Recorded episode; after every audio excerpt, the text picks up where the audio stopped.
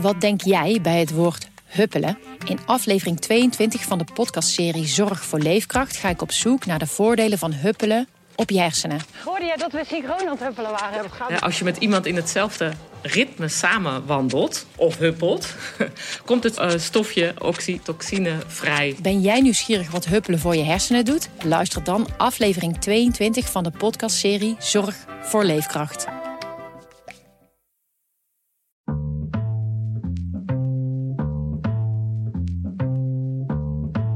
Welkom terug bij de PZC deze week, waarin we in gesprek gaan met de makers van onze journalistieke producties. Vandaag praat ik, Noortje de Kroo, verder met verslaggevers Eldridge Penturi en Bob Maas over Ischelle van de Velde. Vandaag hoor je hoe de zaak verder gaat en hoe verslaggevers Bob en Eldridge omgaan met zo'n gevoelig en ingewikkeld verhaal.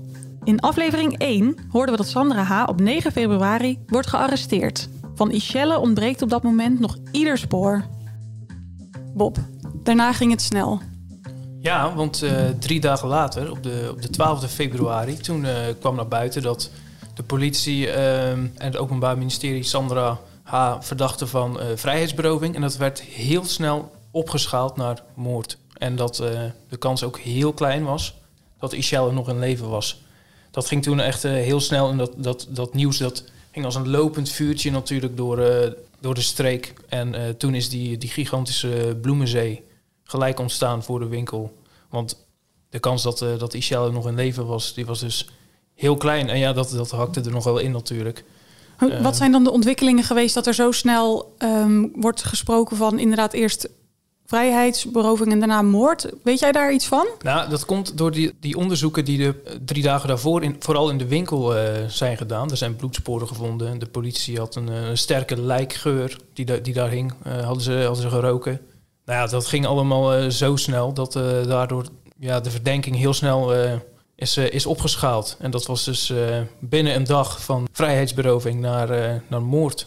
Ja, wat daarin wel uniek is, tenminste ja, wat niet vaak gebeurt, is dat er is geen lichaam gevonden, maar toch wordt iemand al verdacht van moord. Dat hoor je niet zo heel vaak. maar dat had inderdaad met dat bloed te maken wat daar was gevonden. En toen werd ook die winkel werd al heel snel een plaatsdelict. Ja, ze had ook bloed op de, op de schoen van Sandra H. gevonden. Ja, dat soort details hoorden we later pas hè, bij de, in, in de rechtszaal. Mhm. Bij de eerste proforma-zaak. Maar dat bleek later zeg maar, de aanleiding uh, voor, de, voor de aanklacht van moord. Bob, je had het eerder al over hè, dat er een, een bloemenzee ontstond. Hoe was de sfeer daar in, in Oostburg op dat moment?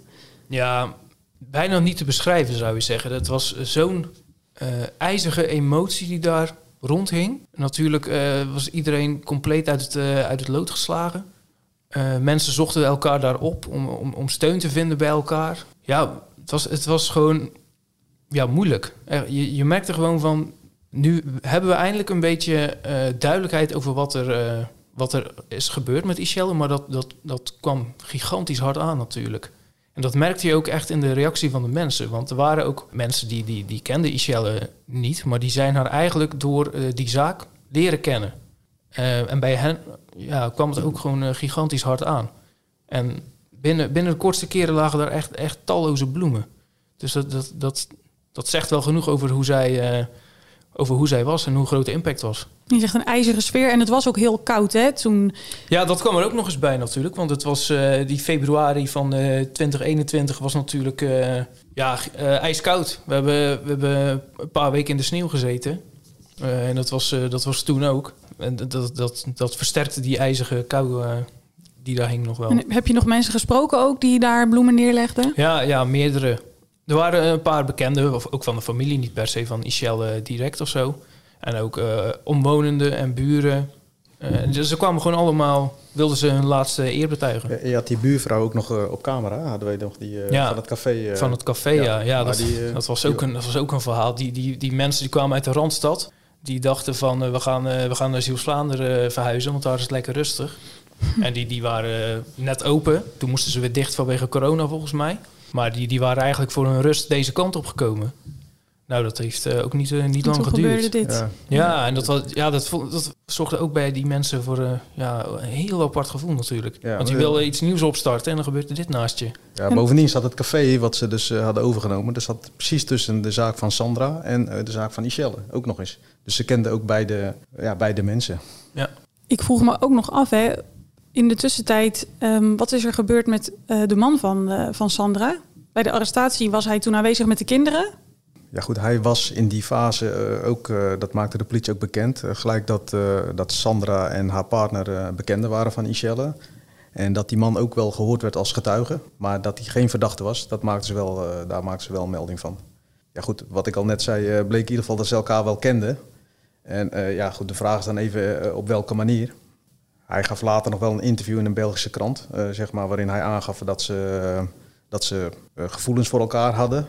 En dat werd later ook in de, in de eerste rechtszaak werd dat ook eh, benoemd.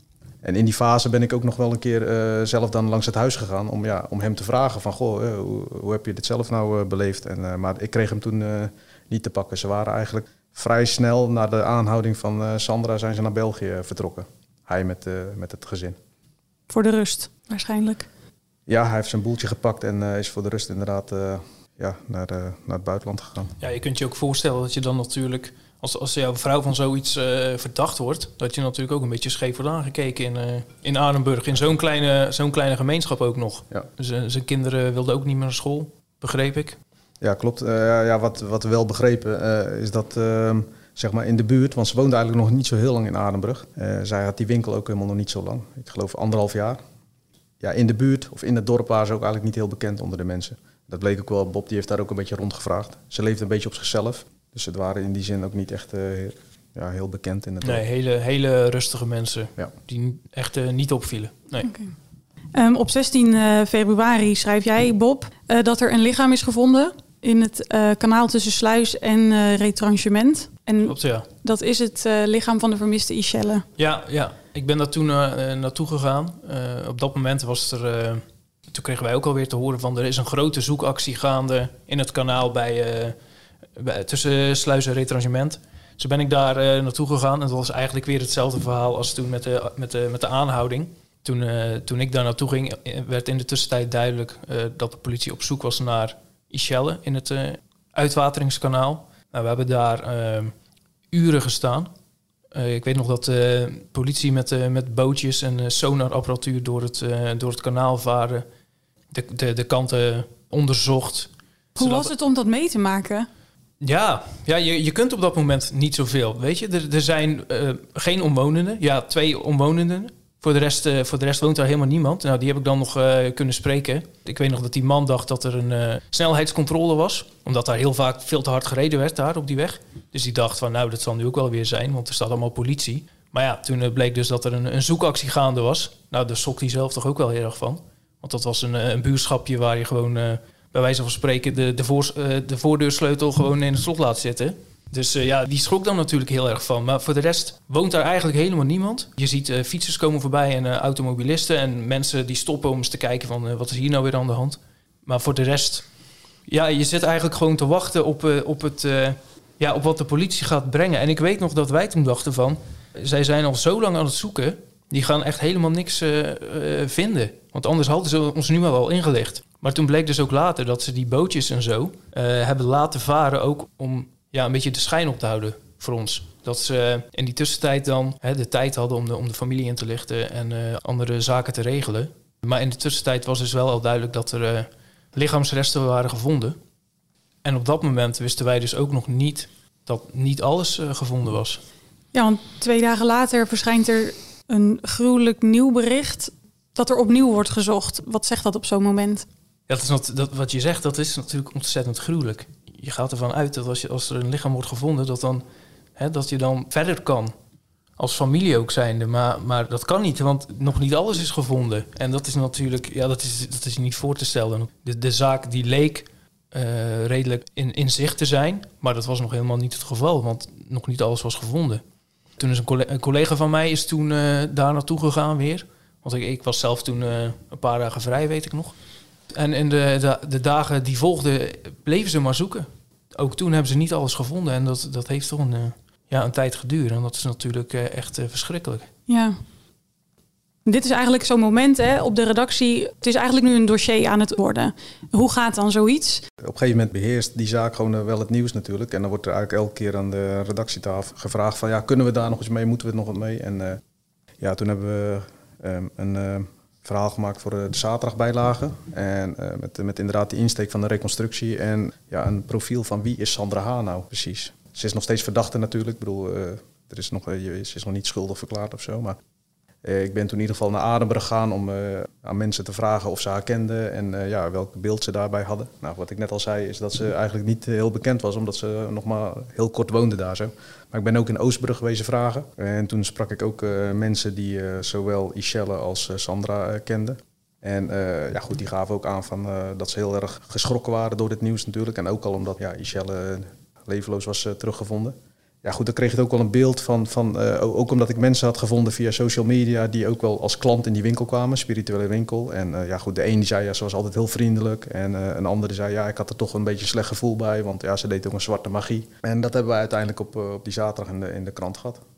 Bob, we hadden het net in de vorige uitzending hebben het al gehad hè, over de rubriek achter de schermen. Die geruchten van een driehoeksverhouding, die ging je niet opschrijven. Ook in dit geval nog steeds niet. Nee, dat is eigenlijk pas voor het eerst bij ons in de krant gekomen nadat de partner van eh, Sandra daar zelf over begon in het interview met het nieuwsblad. Maar daarvoor hebben wij daar zelf niet uh, over geschreven. Hè? Nee, omdat je uh, natuurlijk, ja, wat je net al zei, je krijgt uh, de wildste verhalen bij zulke zaken. Ja, en dan wil je ook voorkomen dat jij uh, ja, dingen opschrijft die dat niet kloppen. Dus dat hebben wij toen inderdaad niet gedaan. Nee. Dat was inderdaad met dat, met dat interview in, de, in het nieuwsblad. Dat, ja. hebben wij daar wel melding van gemaakt. We hebben niet het hele interview overgenomen, want het was niet van een zusterkrant, zeg maar. Ja, ja jij komt daar, daar komen we later ook nog even over te spreken. Maar um, eerst heb jij, Eldridge, um, de broer van Ishelle gesproken, hè? Ja, Jeffrey. Um, hoe ging dat gesprek? Ja, ik had op enig moment contact gehad natuurlijk, omdat ik Jeffrey al een keer had gesproken. En uh, ik moet er wel bij zeggen dat in zo'n zaak, je zit bij grotere zaken, dat als er uh, heel iets ingrijpends gebeurt uh, rond de familie, dan heb je tegenwoordig ook de stichting namens de familie. En dat is die stichting die is opgericht door de oom van Anne Faber, ook wel bekend omdat zij toen werd vermoord een paar jaar geleden. En die stichting namens de familie, die, die regelt dan woordvoerders om zeg maar tussen families die iets is overkomen te bemiddelen en de pers. Want ja, de persaanvragen krijg je natuurlijk. En op een gegeven moment had ik eh, wel contact gelegd met zo'n eh, perswoordvoerder. En ja, die heeft toen ook op een gegeven moment gevraagd van, goh, uh, wil de familie daar iets over zeggen? En zo komt dat contact dan met Jeffrey, want je kunt ze op een gegeven moment niet meer rechtstreeks benaderen, omdat die mensen ook gewoon beschermd moeten worden. Ik bedoel, die krijgen natuurlijk allerlei verzoekjes en daar zitten ze ook niet op te wachten. Dan komt er een tussenpersoon. Wie was dat in dit geval? Dat is Lars Walder. En via hem heb jij contact gelegd dan met de broer? En hij treedt eigenlijk gewoon op uh, namens de familie, zo heet het ook. Maar hij doet niks anders dan wat de familie wil. Dus als de familie gewoon zegt, wij praten niet met de pers, dan uh, doen ze dat niet. Maar het werkte eigenlijk heel goed. En hij heeft op een gegeven moment gevraagd van, nou de PZC wil een interview. En ja goed, hij wilde daar één keer dan wel iets over vertellen, hoe, hoe zij dat hebben beleefd. Dat is wel een heftig verhaal, want uh, hij heeft ook verteld dat zij natuurlijk al vanaf het begin af aan wisten dat, uh, dat Ishelle nooit uit eigen beweging was vertrokken. En uh, daar waren ze echt van overtuigd. Maar ze hadden zelf ook wel het gevoel ja, waar ze moesten zoeken. Alleen, kijk, kom je weer. Je kan wel denken dat, dat iemand er iets mee te maken heeft, maar dat is nog iets anders dan het kunt bewijzen. Hij is bijvoorbeeld, heb ik ook in dat verhaal opgeschreven, is hij bijvoorbeeld een keer in die winkel geweest. Op de dag dat, in de winkel van Sandra, dus op de dag dat Bob, toen op, de, op die 2 januari is dat geweest toen die zoektocht was met Signy, de eerste dag, toen is hij ook uh, naar binnen geweest. Toen was net dat uh, bericht eigenlijk pas naar buiten dat ze, dat ze vermist was. Ja. Toen is hij zelf de winkel ingestapt toen van. Toen is hij de winkel binnengegaan om uh, ja, te vragen waar, of zij wist waar Michelle zou zijn. Toen reageerde ze eigenlijk heel kalm van ja, ik weet van niks. daar komt het, kwam het eigenlijk op neer. En ja, kijk maar rond. En toen is hij zelfs met zijn moeder ook nog in die winkel wezen kijken, achterin. Op de plek ook waar later dus een hoop sporen zijn gevonden. Maar dat wisten zij natuurlijk op dat moment niet. Dus ja, dat is wel uh, buitengewoon heftig als je dat later hoort natuurlijk, hè, als er meer naar buiten komt. Ja, en weet je waarom hij dan uiteindelijk wel met de uh, PZC wilde praten?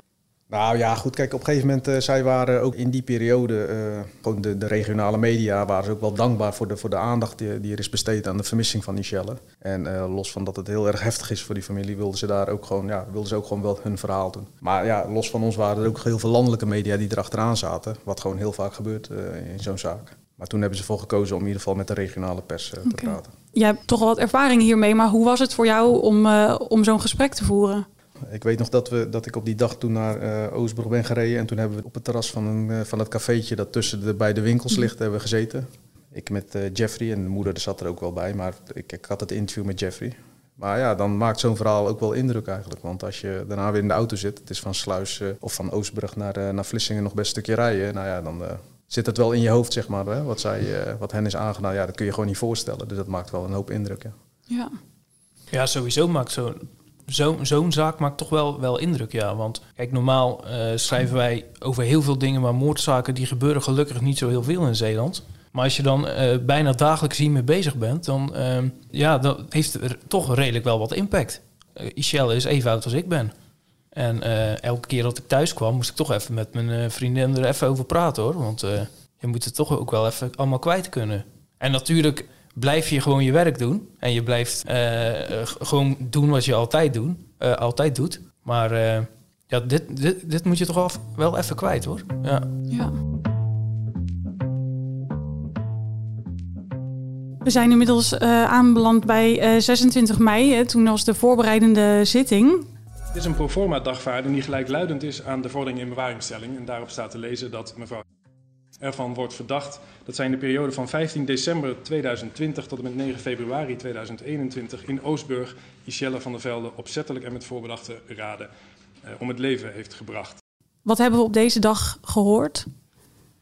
Nou ja, toen toen hebben we meer gehoord over dat onderzoek hè, in de winkel, wat ze toen allemaal hebben gevonden. Toen hebben we inderdaad dus uh, gehoord dat er uh, bloed op, op de schoen was aangetroffen van, van Sandra.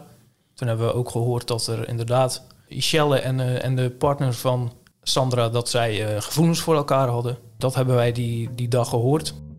Verdachte heeft bekend bij de verplaatsing en dumping van een deel van het lichaam van Michelle betrokken te zijn geweest. Uh, ze heeft een tijdlijn opgesteld met betrekking tot haar aanwezigheid op 15 en 16 december en die tijdlijn is aantoonbaar onjuist gebleken. Verder is het bloed van Michelle aangetroffen op de schacht van de laarsjes van verdachte. Er is ook veel bloed en een lijkengeur onder de tafel in het keukentje van de winkel van verdachte gevonden. En verder heeft verdachte verklaard dat zij degene is geweest die het gereedschap heeft aangeschaft. Uh, waarmee waarschijnlijk het lichaam van Michelle in stukken is gezaagd. Uh, Sandra H. was die dag trouwens zelf niet aanwezig. Waarom niet? Ja, zij kon daar uh, volgens uh, haar advocaat niet meer aan meewerken. Want zij, had, zij was zo vaak verhoord door de politie. En in het begin ging dat allemaal, ging dat, volgens haar advocaat ging dat goed. Maar dat ging steeds meer te tegenwerken. Ze konden, ze konden het blijkbaar toch niet meer aan. En daardoor is zij ook niet meer naar die rechtszaak gekomen. Waar toch wel uh, ja, gruwelijke details zijn, uh, zijn blootgelegd. Maar ze heeft niet, uh, niet bekend dat ze haar ook echt daadwerkelijk vermoord heeft. Nee, dat, dat was wel opvallend, want die advocaat die zei ook gelijk dat ze, die zei eigenlijk, dat ze een ontkennende verdachte is. En dat ze in opdracht zou hebben gehandeld. En ja, dat Van vond ik wel opvallend. Ja, dat wilde hij dan niet zeggen. Uh, en ik heb hem daarna nog wel even gevraagd, één op één, van goh, ja, wat in opdracht, ja, wie is dat dan? Ja, hij zei, daar kan ik in de, deze fase van, uh, ja, van de zaak kan ik daar niks over zeggen. Maar toen zei ik nog van, uh, ja, zou het iets, zou het een hogere macht moeten zijn? ik weet het niet, iemand die spiritueel bezig is, maar nee, zo moest ik niet denken. En tijdens de rechtszaak zei hij ook dat uh, ja, als je naar haar postuur krijgt, want, kijkt, want Sandra is eigenlijk helemaal niet zo groot, ja, dan zou ze niet in staat zijn, hè, liet hij ook doorschemeren, om, om zoiets te doen. Goed, dat is natuurlijk wat de advocaat daar uh, vertelt. Maar het waren inderdaad uh, ja, gruwelijke details die, die werden genoemd, ook al was het maar nog een voorbereidende zitting. Ja. ja. wat ook wel opvallend is, is dat, uh, dat die advocaat zegt dat ze in, uh, in opdracht heeft gehandeld, maar uh, Sandra H. is wel de enige verdachte. Dus dan zou je toch ook denken dat er minstens één iemand ander, een andere verdachte is aangehouden. Ja, klopt. Maar daarna hebben we ook nog gesproken met die persofficier. en toen is het ook nog ter sprake gekomen. En die, die gaf nog eens duidelijk aan, ook bij ons voor camera, van ja, deze mevrouw zien wij echt als enige verdachte. Met al onze bevindingen tot nu toe is dat, is dat ook nog steeds zo. Dus uh, ja, wat, die, wat de advocaat daar ook van zegt. Voor ons is zij nog steeds uh, verdachte, de enige verdachte. Dus ja. Eldridge, je hebt ook de moeder van Michelle nog gesproken, Miranda Sips. Uh, ja, dat klopt. we hebben voor de eindjaarsbijlage in december een aantal verhalen gemaakt. En een van de verhalen was een interview met, met Miranda Sips, de moeder van Michelle. En daarin hebben we het gehad over het afgelopen jaar, waarin natuurlijk heel veel gebeurd is. En het was een lang, maar ook wel ja, heftig gesprek eigenlijk. Want ja, er is heel veel op die familie afgekomen natuurlijk. Ja. We hebben heel veel zoektochten plaatsgevonden. En die waren heel zwaar, vertelde ze ook. Ja, ze heeft eigenlijk verteld over ja, hoe ze dat heeft ervaren. Want ja, het is nogal wat natuurlijk als je je dochter verliest. En dan ook nog eens op die manier. Dat is heel zwaar voor, voor haar en ook voor de hele familie eigenlijk. Uh, er zijn momenten dat ze gewoon thuis op de bank zit en de liefste gordijnen dicht wil trekken, vertelde ze. en even niemand wil zien. Tegelijkertijd wil ze ook gewoon verder gaan, omdat ze, vertelde ze, dat Ishelle nooit zou willen dat ze zou opgeven. Ehm, zo is ze bijvoorbeeld ook eh, begonnen met een stichting. Voor Ishelle heet die stichting. En die stichting eh, die heeft ze opgericht om in contact te komen op een ongedwongen manier met lotgenoten. Dus mensen die ook een geliefde missen. En ja, met wie ze, of die ze zou kunnen helpen bij, tijdens zoektochten bijvoorbeeld. Om met elkaar te praten. ze heeft zelf ook met mensen gesproken, maar mensen die ervoor voor geleerd hebben, zei ze, die voelen niet exact wat, wat, wat zulke mensen ook doormaken. Dus ja, en dat wil ze heel graag. En uh, ja, dat helpt er dan uh, ook wel. Ja, en wat doet die stichting? Wat kan die precies betekenen voor uh, lotgenoten? Nou, ze gaf als voorbeeld, stel je voor, er is een zoektocht bezig, hè, zoals zij zelf ook hebben meegemaakt in Zeeuws-Vlaanderen. Ja, dan zou ze zeg maar op de plek ook aanwezig kunnen zijn. ze zouden dan voor een hapje en een drankje kunnen zorgen. Zij zelf ook? Zij zelf ook. En dan ja, gewoon in gesprek gaan met die mensen ja, over wat ze meemaken. Maar wel op een ongedwongen manier. Als mensen dat niet op prijs stellen, zouden ze dat niet willen. Maar het is gewoon, uh, zo gaf ze het aan, dat je zeg maar, je maakt iets verschrikkelijks mee, maar je kunt met die ervaring ook andere mensen helpen. Dat is iets waar ze, uh, ja, wat ze heel graag zou willen. Hoe kijkt ze nu uit naar de, naar de rechtszaak? Ja, in eerdere gesprekken is ook al uh, ter sprake gekomen dat, uh, dat tijdens de rechtszaken natuurlijk ook wel veel details uh, naar buiten zullen komen. Um, zelf hebben ze ook altijd gezegd dat ze sowieso alles willen weten, hoe gruwelijk dat ook mag zijn. Ja, in het laatste gesprek zei de moeder ook dat ze sowieso geen rust heeft totdat degene die dit op zijn geweten heeft, ja, voor de rest van zijn leven achter de tralies zit. Um, ja, en dat zij gewoon wel doorvechten, zo omschreef ze dat, uh, voor gerechtigheid. Ja. De rechtszaak moet nog, moet nog volgen, dat is in april. Een heleboel weten we nog niet. Hopelijk wordt dat die dag duidelijk. Eldridge en Bob, voor nu in ieder geval heel erg bedankt voor het gesprek. Graag gedaan. Graag gedaan. Dit was de PZC deze week met Eldridge Penturi en Bob Maas over de zaak Ischelle. Wil je meer horen over onze verhalen en hoe ze gemaakt worden? Dat kan, want wij zijn er volgende week weer met een nieuwe aflevering van de PZC deze week. Met een nieuw onderwerp. Mijn naam is Noortje de Kroo. Bedankt voor het luisteren. Tot volgende week.